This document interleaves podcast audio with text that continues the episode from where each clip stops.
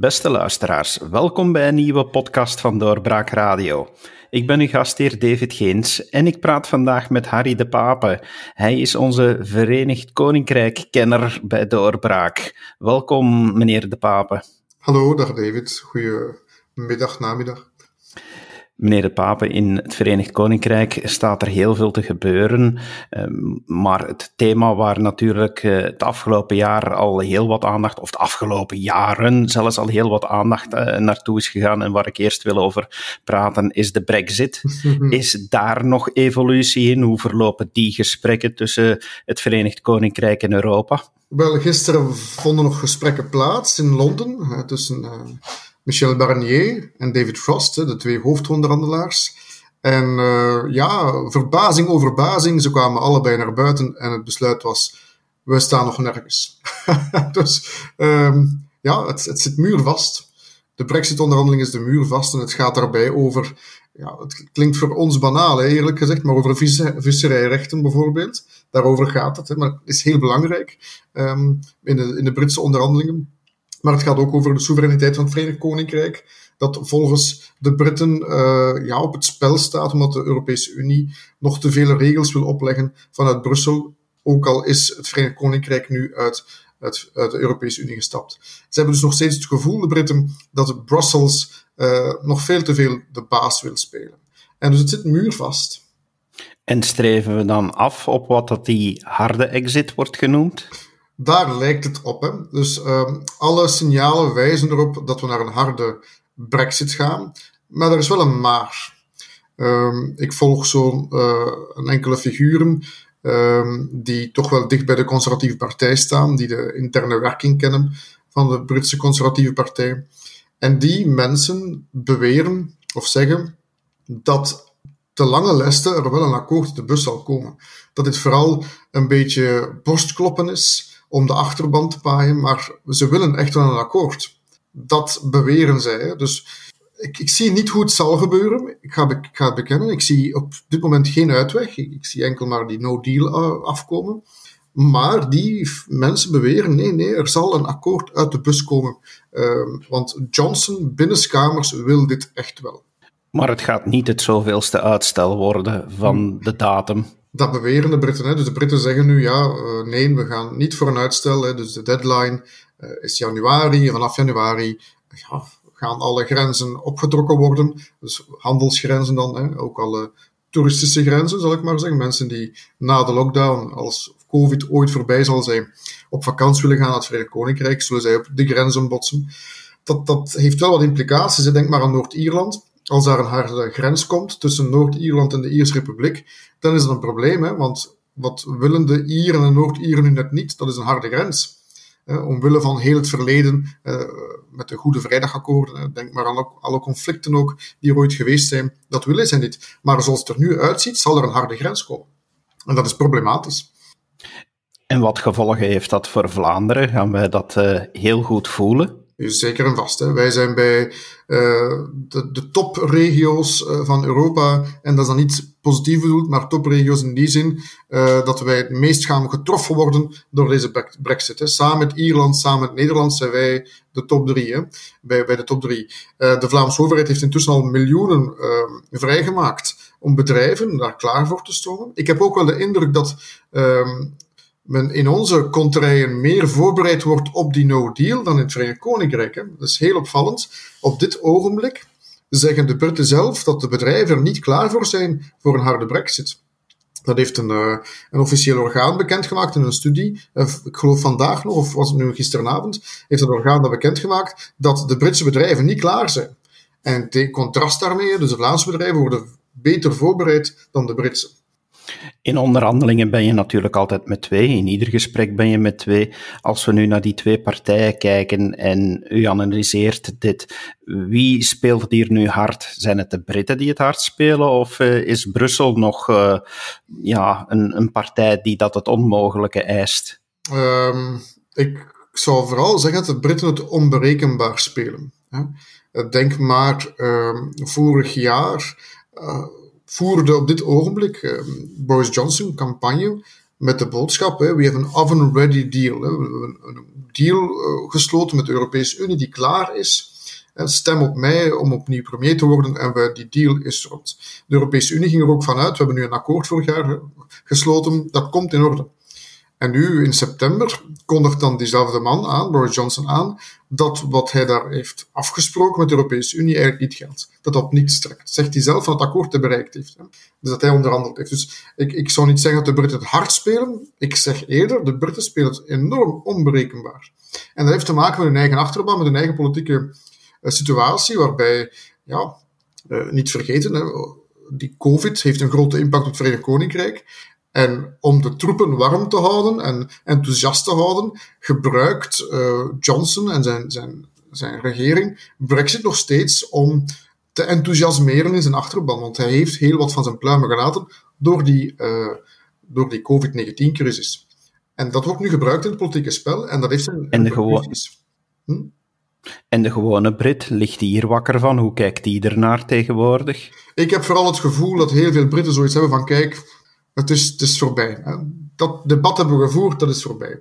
Uh, de mensen die echt nog uh, ja, die brexit willen terugschroeven, zijn heel vaak mensen die met politiek bezig zijn, die, die journalistiek opvolgen enzovoort. Maar de, de, de Brit in de straat is, is dat voorbij. Dat is een debat dat nu niet meer speelt. Daar is corona en COVID-19 vooral het thema nu. Hè. En die brexit, ja, die, die, wordt, die is wat het is. Dus ik heb vooral het gevoel dat het niet zozeer meer leeft ja, bij de mensen die ik dan spreek. Eh, dat dat toch een beetje meer op de achtergrond geduwd is. Ja, u sprak al over die conservatieve partij van Boris Johnson. Daar lijkt het toch ook niet allemaal zomaar van een leien dakje te lopen. Die partij eh, zit met interne strubbelingen, als ik het goed begrijp. Ja, klopt helemaal. Hè. En dat is begonnen vanaf dat de coronacrisis gestart is. Dus uh, begin dit jaar uh, leek Boris Johnson de onoverwinnelijk. Hij had een grote verkiezingsoverwinning behaald. Heeft een hele ruime meerderheid die niet meer gezien is uh, sinds ja, de jaren van Tony Blair. Um, dus die man stond, zat stevig in het zadel. En dan treft die crisis heel uh, de westerse wereld, dus ook het Verenigd Koninkrijk, en daar uh, aanvankelijk heel harder dan hier. Um, en dan zie je de reactie ontstaan op het beleid uh, die de Britse regering voert. Dat beleid is heel vergelijkbaar nu op dit ogenblik met ons beleid, hè, van lockdown-beleid. Maar daarbinnen de conservatieve partij is er heel veel protest tegen, tegen het lockdown-beleid. Want dat druist tegen hun principes van vrijheid, free nation, het liberalisme, dat druist daar tegenin. En dus je krijgt nu opstanden, rebels in het lagerhuis, uh, waarbij men dus ja, de premier op de korrel neemt. Uh, je hebt de voorbije dagen nog maar had je interessante scènes waarbij Theresa May uh, ja, Boris Johnson verbaal aanviel in het lagerhuis. Wat we eigenlijk ongezien zo'n vaak een oud-premier, die gaat niet de huidige premier, als het van dezelfde partij is, zomaar, zomaar aanvallen. Dat was hij volop aan het doen, uh, Theresa May. Die het niet eens is met de wijze waarop Boris Johnson het aanpakt. Uh, in het lagerhuis was er gisteren ook een, sorry, was woensdag een stemming over een nieuwe lockdown. En daar waren toch meer dan 50 tegenstemmen vanuit de eigen fractie. Wat heel opvallend is. Uh, voor, voor iemand die zo gezag zou moeten hebben nu na zo'n verkiezingsoverwinning, heeft hij heel veel tegenstand. Dus er heerst daar um, toch wel een protestbeweging binnen de Conservatives. En interessant natuurlijk, en wie, wie, wie springt daar weer als een duiveltje uit het doosje op? Dat is Nigel Farage, die plotseling weer opduikt. En die dus zijn uh, Brexit-partij, die had opgericht om die Brexit te garanderen. En ook een verkiezingsoverwinning eh, behaalde bij de Europese verkiezingen. Die gaat hij nu omvormen tot een reform party, waarbij hij zich dus openlijk verzet tegen de lockdown-maatregelen van de regering Johnson. En dat is natuurlijk hoor op de molen. Hè. Dat, dat, dat, zal conservatieve kiezers aantrekken. En dat weet uh, Nigel Farage maar al te goed. Dat lijkt wel iemand die gewoonweg er een sport van maakt om tegen dingen te zijn die voor anderen evident zijn. Ja, en, uh, en hij, is, hij heeft, op dat vlak is hij een beetje een bloedhond. Hij, hij, weet perfect het spoor te zoeken waarmee je kan scoren. Uh, dus hij weet zijn vinger te leggen op wat er gevoelig ligt bij de bevolking. Hij is daar zeer goed in. Hij, heeft op dat vlak echt wel feeling voor um, ja, het politiek moment. In Britse politiek, want hij had ook gegokt, geloof ik, uh, voor de Amerikaanse verkiezingen. Dat hij zoveel duizend pond gegokt dat Trump sowieso ging winnen. Nu lijkt het wel dat hij een paar duizend pond kwijt zal zijn, maar goed, daar heeft hij dan niet, niet zo'n goede neus gehad. Hoe is het sentiment in, de, in het Verenigd Koninkrijk zelf over die lockdown? Uh, hoe aanvaarden de mensen het zelf? Is men daar lockdown moe of uh, mm-hmm. wat is het sentiment daar? Wel, de eerste lockdown was heel duidelijk dat de Britten over het algemeen uh, heel veel begrip hadden voor de hele situatie. Deze keer uh, heerst er veel meer protest. Uh, opvallend de voorbije weken. Dat is hier in onze media niet echt aan bod gekomen, maar dat was in het Verenigd Koninkrijk echt wel uh, een, een, hot item. Het, noorden van Engeland zou vroeger een lockdown moeten gegaan zijn, of in een strengere lockdown gegaan zijn dan in het zuiden. Omdat de cijfers daar nu eenmaal slechter waren dan in het zuiden. Dat heeft ook te maken met socio-economische patronen. Hè. Het noorden van Engeland is, is, vaak ook armer dan het zuiden van Engeland. Uh, en ja, dat, dat speelt sowieso een rol. Hè. Men zegt wel, corona is, geldt voor iedereen, maar studies wijzen tussen aan dat, dat mensen uit lagere klassen vaak zwaarder getroffen worden. Um, en burgemeesters van het noorden van Engeland kwamen in, in opstand tegen de beslissing van de uh, Britse regering om daar snellere lockdownregels uh, op te leggen. Hè. Andy Burnham, dat is de burgemeester van Manchester, werd het gezicht van het, van de, het noorden van Engeland, van de Labour-burgemeesters, die zich verzetten tegen het beleid van de regering. En heel opvallend, uh, want ja, je hebt niet zo lang geleden een nieuwe Labour-leider gekregen, Keir Starmer. Die valt niet zo sterk op in het lagerhuis. En die, het zijn die Labour-burgemeesters die het gezicht werden van het verzet tegen de regering. Dat is, dat is wel inter interessant om te zien. Je ziet ook trouwens, uh, daar in het Verenigd Koninkrijk uh, is de gezondheidszorg al gedefederaliseerd. Uh, om het ja, zo te noemen. Dus uh, dat, dat, is een beleid van de regio's of, of van de, de countries in het Verenigd Koninkrijk. Dus Engeland voor zijn eigen gebied, Wales en Schotland en Noord-Ierland.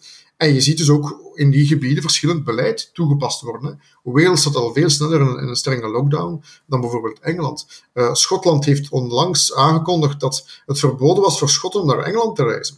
Dat speelt natuurlijk ook een stuk in de retoriek van de Schotse nationalisten die onafhankelijk Schotland willen. En die willen ook wel een beetje gebruikt van, kijk, ga niet naar het buitenland. Hè, Engeland dan in, hun ogen. Wat dan weer de unionisten kwaad maakte, omdat Engeland voor hen niet het buitenland is.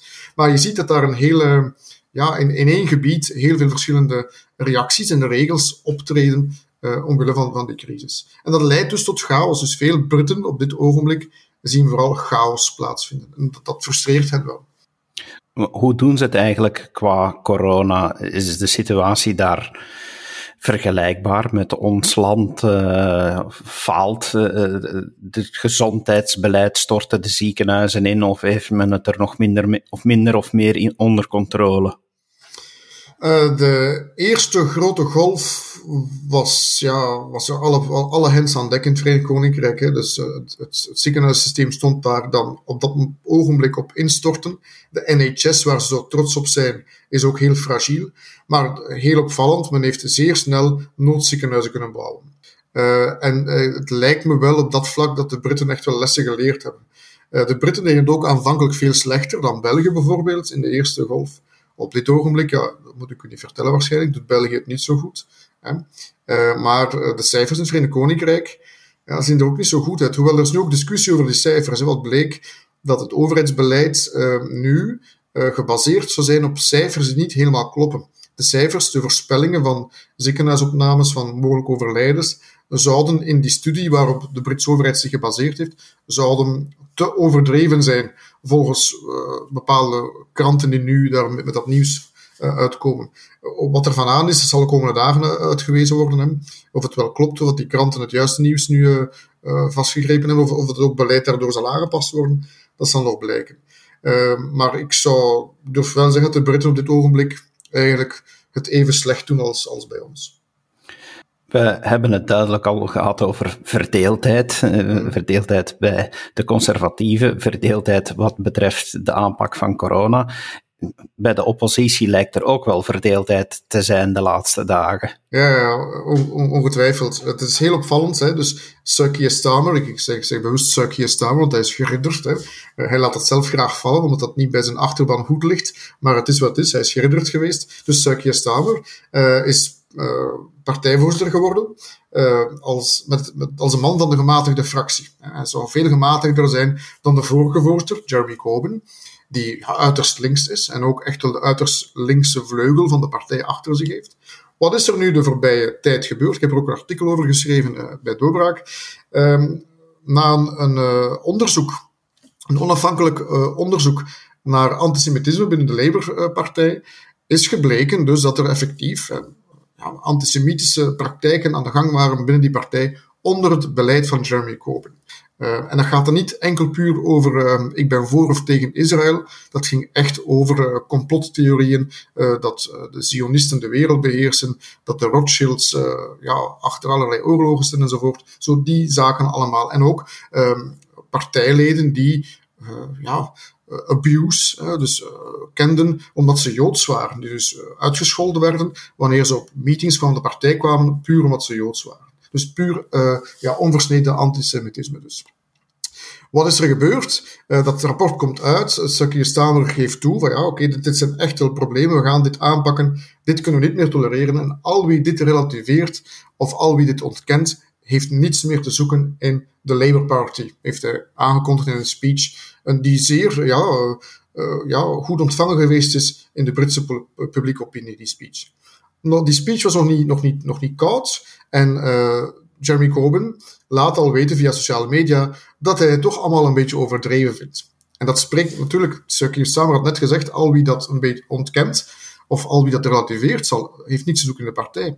Dus Keir Starmer had niets, niet, geen andere keuze dan zijn vorige partijvoorzitter gewoon uh, ja, te schorsen uit de parlementaire fractie. En dus op dit ogenblik is de oud-partijvoorzitter, die extreem populair was bij een deel van de achterban, gewoon geschorst uit de partij. En je krijgt nu dus binnen Labour, waar dus al een hele tijd conflicten heersen, nu liggen die conflicten helemaal op straat. En je krijgt dus een, een conflict tussen wat men soms de Blairites eh, noemt, wat niet helemaal correct is, maar goed, de gematigde fractie van Labour, tegenover die uiterst linkse fractie, waar Jeremy Corbyn lang het gezicht van geweest is. En gek genoeg, hè, want zij hebben nu alle munitie in handen om uh, het regeringsbeleid aan te vallen, om Boris Johnson aan te vallen, maar Keir Starmer heeft vooral de handen vol met zijn eigen partij. En je krijgt dus alweer, wat ik daar straks al eens gezegd heb, je krijgt voor de modale Brit alleen maar het beeld van chaos in de regering. Is het niet bij de regering zelf, dan is het bij uh, de oppositiepartij. Uh, en dat moet als, als Brit moet enorm frustrerend zijn om dat vast te stellen. Dreigt Labour dan te splitten?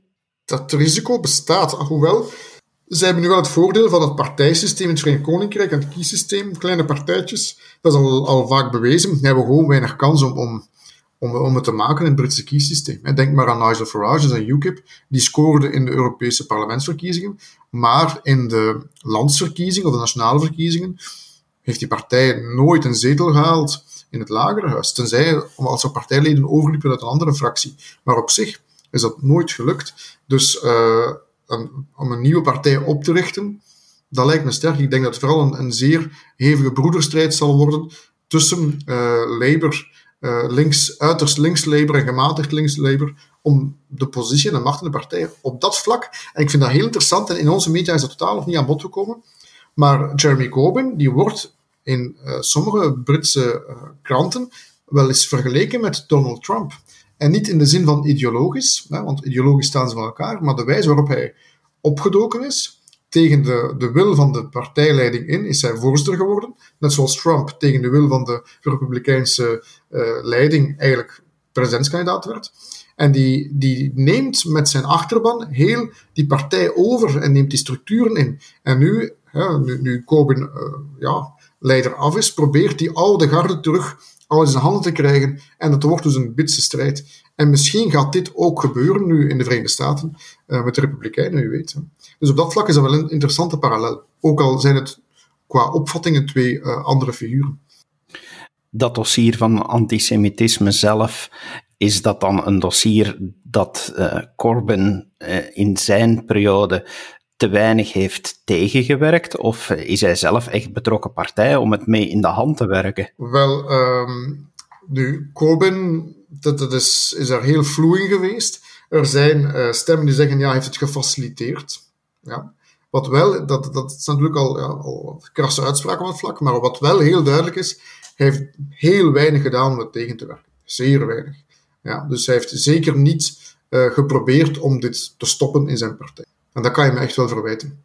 We blijven bezig over verdeeldheid en ik uh, grijp natuurlijk een feit aan dat uh, iedereen heeft gehoord. De gekende Sean Connery mm -hmm. is uh, zeer recent overleden op de Bahamas, maar zelfs het feit dat hij op de Bahamas woonde, deed niet af aan het feit dat hij echt een Schot was, een Schotse mm -hmm. nationalist. Um, hoe zit het daar nu in Schotland uh, met die nationalisten? Uh, zit daar nog leven in? Uh, gaan, gaan die nog altijd verder in hun strijd voor, voor een vrij en onafhankelijk Schotland? Ja, de strijd gaat verder. He. Trouwens, over Sean Connery gesproken, een, toch wel een, een feitje. inderdaad, op Bahamas overleden, omwille van, hij woonde daar, niet alleen voor het goede weer, hè, ook omwille van het belastingsbeleid. Hè. Dus hij was een, was een trotse Schotse nationalist, heeft ook heel veel geld gedoneerd aan de Schotse nationalistische zaak. Maar hij heeft wel nooit een belastingcent betaald aan de Schotse staat, wat dat dan toch wel weer, hè? toch ook wel weer bedenkelijk is. Maar goed, over de doden niets dan goed. Hè? Ze hebben daar een, een belangrijke uh, poelbeeld mee verloren. Ja, de Schotse nationalistische zaak leeft nog zeer sterk en het, alle peilingen wijzen er ook op hè, dat mocht er vandaag een referendum plaatsvinden, dan kiezen de Schotten toch met een sterke meerderheid. En met sterke meerderheid bedoel ik ja, rond de 55, 58 procent voor Schotse onafhankelijkheid. Wat toch wel een grote kentering is ten opzichte uh, van het referendum uh, meer dan vijf jaar terug. De Schotten proberen dat natuurlijk, ja, de Schotse nationalisten proberen dat thema ook levend te houden. Hè, want ook al wordt nu, ligt alle focus op, op corona, men probeert dat thema wel levend te houden. Denk ook wel met, wat ik net vertelde, met een soort van, ja, onder, onderliggende plagerijen. Hè. Ga niet naar Engeland, ga niet naar het buitenland. En zo houdt dat ook altijd wel een beetje levend. Um, maar, er is wel een maar. De Schotse nationalisten zitten met intern een probleem. Dus dat is al lang aan de gang. Je hebt daar eigenlijk op zich twee fracties binnen de SNP. En je hebt de, de fractie van Nicola Sturgeon, die, die nu de first minister is. Maar je hebt ook de oudere fractie um, van de vorige um, uh, first minister. En, en die twee fracties, ja, die, die ja, die voeren een, kleine strijd over hoe het Schotse onafhankelijkheid moet bereikt worden wanneer het referendum moet plaatsvinden. Uh, de oude fractie klaagt dat de, de, de nieuwe garde veel te, lang wacht, dat niet snel genoeg gaat, dat het reformistisch is. Eigenlijk een beetje een verwijt dat je ook hoort in de Vlaamse journalistenkringen tegenover NVA. Je, je, je bent te veel met België bezig en te weinig met Vlaanderen. Wel, dat verwijt krijgt Stuizen ook af en toe, hoewel dat vreemd mag klinken. Maar omdat zij, ja, natuurlijk binnen de, de lijntjes kleurt van hoe de Britse wetgeving in elkaar zit. Ja, maar de, de Schotse zaak uh, leeft zeker. Uh, trouwens, Alexander, die, die vorige first minister, die zit dan ook nog met een, een hele privézaak verwikkeld waarbij klachten heeft. Denk aan de MeToo-beweging over allerlei gedragingen die niet echt uh, passend waren ten opzichte van vrouwen. En daar zou Sturgeon ook nog een rol in gespeeld hebben. Dus die partij kent ook zijn strijd, hè, want we zijn altijd over strijd bezig, wel ook die partij kent zijn strijd. Maar op zich, de Schotse onafhankelijkheidskwestie ligt wel nog zeer, zeer sterk in de peiling op dit ogenblik. Dus de Britse regering, ja, die heeft al een taskforce uh, opgericht met verschillende figuren die vanuit Londen dan ja, ervoor moeten zorgen dat de Britse zaak uh, in de verf wordt gezet. Uh, tegenover de Schotse zaak. Maar door, door omwille van corona komt dat niet echt in de verf te staan. Omwille ook van het rommelige beleid dat er nu heerst. Ja. Uh, dus op dit ogenblik ligt het niet stil. Dat is een foute manier van uitspreken, van spreken, want er komen verkiezingen aan uh, in het voorjaar van 2021. Die verkiezingen zijn alles bepalend, want als SM, de S&P dan een volstrekte meerderheid kan halen, dan heeft het eigenlijk bijna alle troeven in de handen om een referendum voor de onafhankelijkheid uh, te eisen. Um, alleen, en dat is dan alweer... Uh, Zal dat lukken? Want. Het addertje onder het gras is, dat kan enkel met goedkeuring van Londen. Hè was de vorige keer ook zo. Hè. David Cameron heeft dat destijds onderhandeld met Alex Salmond van goed, we gaan dat houden. Hè, omdat het door de Britse wetgeving zo in elkaar zit. Hè. Um, wat ik niet, op dit ogenblik zeg Londen, nee, nee, dus once in a generation, uh, die, die stemming in 2014. Dus die generatie is nog niet gepasseerd, je gaat moeten wachten. Um, maar ja, goed, als alle tellers uh, wijzen dat de Schotten dit echt willen, en ik zie de Britten niet handelen zoals de Spanjaarden, dat zie ik ook niet gebeuren. Ze gaan het echt wel volgens de regels willen spelen. Ik vermoed dat de druk op Londen zo hoog zal worden dat men wel naar een referendum zal moeten gaan. Als de uitslag zo is. Het is daarom ook trouwens dat de, de mensen die tegen een referendum zijn, er zoveel mogelijk nu alles aan doen eigenlijk om het vooral niet over de Schotse onafhankelijkheid te hebben, maar over beleidsthema's uh, in Schotland te hebben. Want het moet gezegd zijn, de SNP, uh, los van het feit dat ze vurige nationalisten zijn en die Schotse onafhankelijkheid willen, hun regeringsbeleid is niet meteen iets om over naar huis te schrijven. Uh, en dat, dat, is een, dat is een pijnpunt. Uh, want denk, denk maar aan het overheidstekort dat alleen maar oploopt. Denk maar aan de al maar slechtere cijfers in de ziekenzorg. En dat staat al los van corona. Dat was al bezig ervoor. Denk maar aan de zeer slechte onderwijscijfers, waar de Schotten, net zoals interessant, zoals bij Vlaanderen, zij, ook zij waren ooit trots op het feit dat elk Schots kind, gelijk voor welke afkomst, het kon maken dankzij het Schotse onderwijs. Wat op zich in Vlaanderen ook decennia lang zo geweest is. Hè. Dat is de grote gelijkmaker in onze, in onze streken, was het onderwijs. En dat is nu ook aan het, aan het, aan het weggegaan. En in Schotland geldt hetzelfde. En dat verwijt krijgen de Schotse nationalisten nu ook. Hè. Je hebt het beleid volledig in handen en je doet er niks mee. Ja. Maar goed, dat debat uh, wordt op dat vlak dan weer te rationeel gespeeld. Dit is echt een emotionele kwestie. De Schotten uh, zijn voor een afhankelijkheid niet omwille van het financiële, niet omwille van het onderwijs, niet omwille van het ziekenzorg, maar omdat ze zich Schots voelen. Ja? En dat staat dan los van alle rationele argumenten, dat is puur een emotiekwestie.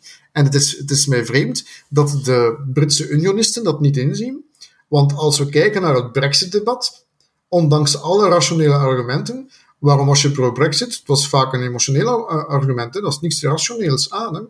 En dat die unionisten dat dus niet inzien, dat op zich wat daar gebeurt in Schotland eigenlijk eenzelfde soort discussie is wat er ooit over Brexit gebeurd is. De unionisten komen aandraven met pas op voor de economische gevolgen. En de separatisten zeggen dat maakt ons eigenlijk niks uit. Wij geloven in Schotland. Net zoals de Brexiteers zeiden, we believe in Britain. Dus al die argumenten die aankomen aandraven, dat maakt ons niks uit. Dat is alweer een interessante parallel. Bestaat er de mogelijkheid dat het Verenigd Koninkrijk evolueert dan naar een confederaal model, waarbij die Schotten weliswaar de onafhankelijkheid krijgen, maar toch een voordeel halen om uh, nauw te blijven samenwerken met Londen?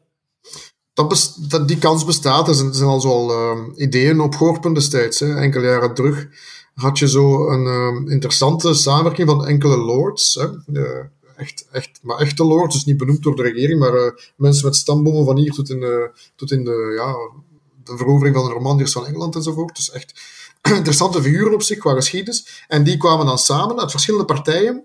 En die hadden zo'n, wat, wat jij net zegt, zo'n idee uitgewerkt van kijk, naar, we gaan naar een confederatie moeten, waarbij we dus wel elk ons ding doen, maar nog steeds uh, ja, het Verenigd Koninkrijk blijven, met de monarchie bovenop. En niet vergeten, het waren aristocraten, dus die monarchie speelt daar natuurlijk een rol in hun idee. Um, maar dat, is een mogelijkheid, dat kan. Ja, dat zou een oplossing of een uitweg kunnen zijn. Er zijn ook andere stemmen. Hè. Dat is dan weer de andere uiterste. Ah nee, uh, schaf heel devolution af. Hè. Terug meer macht naar Londen trekken. Want uh, het levert alleen maar problemen op. Kijk maar naar de corona-aanpak, is een argument dan. Ja, wie zal het debat winnen? Op dit ogenblik lijken mij de separatisten het debat te winnen. Rest mij nog één vraag voor u, meneer De Pape. Ik noemde al Sean Connery, maar de vraag is dan als uh, Engeland-kenner, wie is voor u de beste bond? Oh, ah ja, de, oh, ja. Dus voor mij is er een verschil, het ligt, uiteraard ligt het complex. Hè. Voor mij is het verschil tussen de beste bond en de favoriete bond. Ik vind daar een verschil tussen. De beste bond is ontegensprekelijk Sean Connery. Hè. Die, die man die, die, ja, die heeft gewoon alle bakens uitgezet. Dat was James Bond. Hè. Maar mijn favoriete James Bond, dat heeft misschien te maken met het feit dat ik van die generatie ben die daarmee opgegroeid is, dat was Roger Moore. En dat vooral, ja, was, ja, die nam het allemaal niet te serieus. ja, ik, ik, ik, had het daarvoor. Hè. Dat, maar goed, ja. Wat op zich ontegensprekelijk, ja, Sean Connery is, is, is James Bond. En Roger Moore was de plezante Bond. Dankjewel, meneer De Pape, voor uh, uw schitterende uh, uitleg over hoe het momenteel gaat in het Verenigd Koninkrijk. En ik aarzel dan bijna om die term nog te gebruiken na uw uitleg. Ja. Dank u wel. En u, beste luisteraar, dank u wel dat u geluisterd hebt naar deze podcast. Zoek eens zeker ook naar de andere podcasts die we online hebben staan. En als u graag ons een steuntje in de rug geeft, surf dan zeker ook eens naar doorbraak.be slash steun, zodat we de middelen hebben om hiermee verder te kunnen gaan. Dank u wel en graag tot de volgende keer. Dit was een episode van Doorbraak Radio. de podcast van doorbraak.be. Volg onze podcast op doorbraak.be/slash radio of via Apple Podcasts, Overcast of Spotify. Bezoek ook onze website op doorbraak.be en steun ons door een vriend te worden van Doorbraak.